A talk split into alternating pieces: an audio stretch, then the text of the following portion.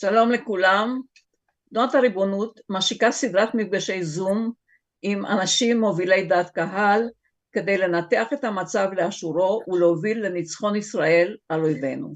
והפעם עם הרב שמואל פרוזנסקי, במקור מטינק ניו ג'רסי, הרב של קהילת בני ישורון, עלה לארץ בשנת 2020, גם עמית מחקר בכיר במרכז ירושלים למדיניות יישומית. ערב טוב הרב. ערב טוב, נעים מאוד. בואו נתחיל עם השאלות הקשות בעניין המוסר, בזה מייסרים אותנו כל הזמן. מנין אנו שואבים את הכוח המוסרי להילחם בעזה? זו שאלה חשובה מאוד, אז קודם כל צריך להקדים, נצח ישראל לא ישקר ולא ינחם, כי לא בן אדם הוא מנחם. הקדוש ברוך הוא לא שונה את דעתו, כי הנה השם לא שניתי, אז המוסריות של עם ישראל נובע מהתורה ומורשת היהדות, וזה לא שונה מעידן לעידן, וזה סוד של כוח ועוצמה של uh, עם היהודי, זה הכוח המוסרי שלנו. אז זה דומה למוסר המערב שלווה הרבה מושגים ממנו, אבל בלי התוכן, בלי התמצית. לכן מוסר במערב מחליף מפעם לפעם, ואין מוסר אובייקטיבי, וזה מה שרואים עכשיו. איך עלינו לעמוד מול העולם המערבי בדרישות המוסריות שלהם, במרכאות? כן, זה חדשים לבקרים. צריכים להדגיש שהנהגת, לדוגמה, של בעלי ברית במלחמת העולם השנייה, כמעט ולא שמה לב לגורל האזרחים של גרמניה או יפן עם הפצצות על, על המבורג, על דרזדין, על הירושמה, על נגסקי ועוד ועוד הרבה. אז חשוב להדגיש שוב שכל המוסריות של כל הבעלי מוסר של המערב נידונה אחרי המלחמות, לא באמצע כמו שמכריחים את ישראל, אז לא נכנסים למלחמה עם עורכי דין ולא שואלים את עורכי דין בכל מקום אפשר לראות פה לראות שמה? זה לא הגיוני וזה גם לא מוסרי. אז אני נוטה לדעת ווינסטון uh, צ'רצ'יל שענה לשאלה, אותה שאלה על אזרחים חפים מפשע בגרמניה שסבלו נוראות מהפצצות הבעלי ברית והוא אמר באופן פשוט וישיר אין חפים מפשע בגרמניה נקודה אז בעזה זה קשה, לח, קשה, קשה לחשוב על עילה להסיק שהם לא חפים מפשע. לדוגמה, האוכלוסייה החפים מפשע כזו בעזה, הם הצביעו לחמאס. אורגן ארגון שהקדיש את עצמו לג'נוסייד, וזה כתוב בחוקה שלהם. האזרחים האלו השתתפו, אפילו פעלו, בטבח הנורא בשמיני עצרת, ואחרים חגגו. אני לא שמע אפילו מילה של התנגדות או uh, רבולציה, מה שקרה בדרום ארץ ישראל בעוטף עזה, משום בן אדם, משום גברת, משום אזרח חף מפשע מעזה. אפילו לא אחד סיפר מילה נגדית לתקשורת שמה, הם רק לא רוצה להתמודד עם התוצאות, מה שקורה להם, אבל להתנגד לטבח היהודים, לא שמעתי אפילו מילה קטנה. ושלישית, הם רוצ, רוצים לחיות תחת רודנים, וכבר אה, יותר מ-15 שנה אין מרד בעזה, הם משלמים מחיר, מחיר כבד, מפני שהתוצאה לשלטון חמאס תהיה מוות ליהודים. לחמאס אין תכנית, אין אסטרטגיה, אלא להציק ליהודים ולהיות חלק מציר הרשע שנובע מאיראן. כן, אפשר להגיד, אפילו באמפתיה, שהתינוקות חווים מפשע. בסדר, אבל זה לא פעם ראשונה בהיסטוריה שהקטנים סובלים מפני חטאי של הגדולים. וגם צריכים להזכיר שלמצווה של מחיית עמלק אין, אה, אין מושג כזו של חפים מפשע, מפני שהאידיאולוגיה, ואיך אפשר להכחיש שהאידיאולוגיה של חמאס, וגם אפשר לומר לפתח, ברור שקולטים את זה כל הקטנים האלו.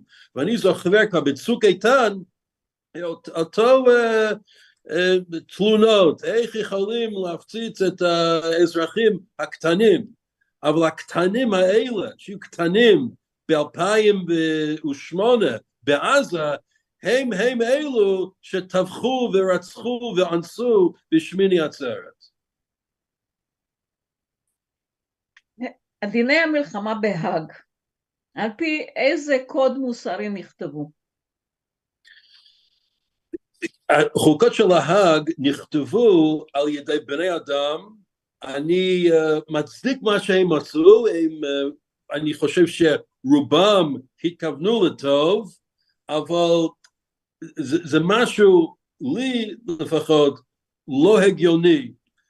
זה מתכון לא לנצח על האויב, מפני שזה מבוסס על עיקום המציאות וסילוף של המוסר. ברור שמלחמה זה לא משהו מוסרית. מלחמה זה, זה, זה, זה, זה כאוס. זה כמו היתר ממוסריות. יש היתר רציחה במלחמה. ובעיקר, וזה מה שמטריד אותנו בארץ, בלי הדדיות במלחמה בין שני הצדדים, אין שכל ואין סבירות ואין הגיונות ואין מוסריות להגביל את כוח הטוב ולהחזיק את כוח הרע. וכל מה שכתוב ב conventions בג'נבה, בהאג, מחזיק את האויב האכזר שלא מציית לאף חוק בינלאומי ואף רגולציה. ואני חושב, זו סיבה שמאז קביעת אותו פרוטוקול, ארצות המערב, כמו ארצות הברית, לא ניצח אפילו מלחמה אחת. אפילו מחר, לא קוריאה, לא וייטנאם, לא פה במזרח התיכון, אי אפשר לנצח עם בזבוז כוחות על, על אכפתיות הזויה על מצב האזרחים, והאויב האכזר משתמש במוסריות אלו, כאילו זה כלי זין להם כדי להגביר על הכוח הטוב. וחשוב להדגיש עוד דבר אחד, האויב שלנו אכזר, וגם המחבלים ביהודה ושומרון של פת"ח, הם לא מצייתים לאפילו משפט אחד של החוקה של האג ולג'ניבה, ולפרט כמה מהם. לפי החוקה אסור ללחום בלא מדים. המחבלים תמיד לוחמים בלי מדים. אסור ללחום משטח אזרחי. אני, אנחנו רואים עכשיו את כל הסרטונים שזה מה שהם עושים. ברור, אסור לרצוח, לטבוח, לאנוס, לשבות אזרחים ואפילו חיילים. אסור להשאיר אזרחים בשבי בלי ביקור מצלב האדום. וכולי וכולי. אז לדבוק לכללים אלו בלי הדדיות מצד השני הוא מתכון לתיקו או רחמנא ליצלן לתבוסה. מה ייחשב בעיני הרב ניצחון במלחמה?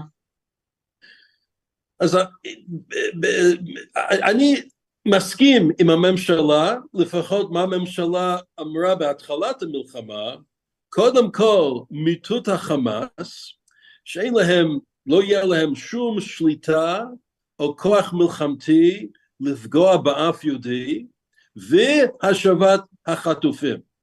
זה לא יפה להגיד, אני חושב שזה האמת, אלו הן שתי מטרות שלפחות בקצת סותרות אחד את השני, אלא אם כן יש, ניס, יש ניסים מן השמיים, או ניסים נסתרים או ניסים גלויים, כמו שראינו, הם לא uh, מתכוונים לטוב, ומה הסתירה? עם נועה מרציאנו. כולנו חוששים, מפחדים, שאפילו uh, מאמצים כדי להציל את החטופים, המאמצים יגרמו למותם מפני אכזריות האויב. אז זה שני, המטרות העליונות, מיטוט החמאס והשבת החטופים. אחרי כן, אני חושב, אי אפשר שיהיה בעזה ריבונות זרה, אפילו שליטת זרה.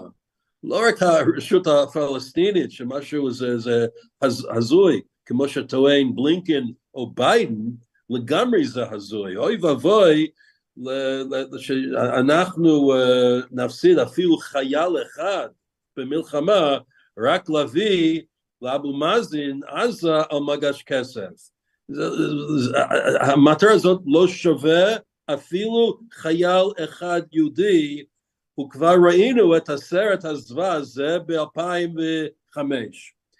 ואחרי זה אני צריך, אנחנו צריכים ל, ל, לשלוט וגם שיהיה החזרת והפרחת כל היישובים בעוטף עזה וגם, אז ברור לא צריכים להכריז את זה היום, בניית יישובים בגוש קדיף. אז כדאי לציין, רצועת עזה בחלקים גדולים עכשיו לא כשיר ולא ראוי להיות מקום מגורים לאף אחד.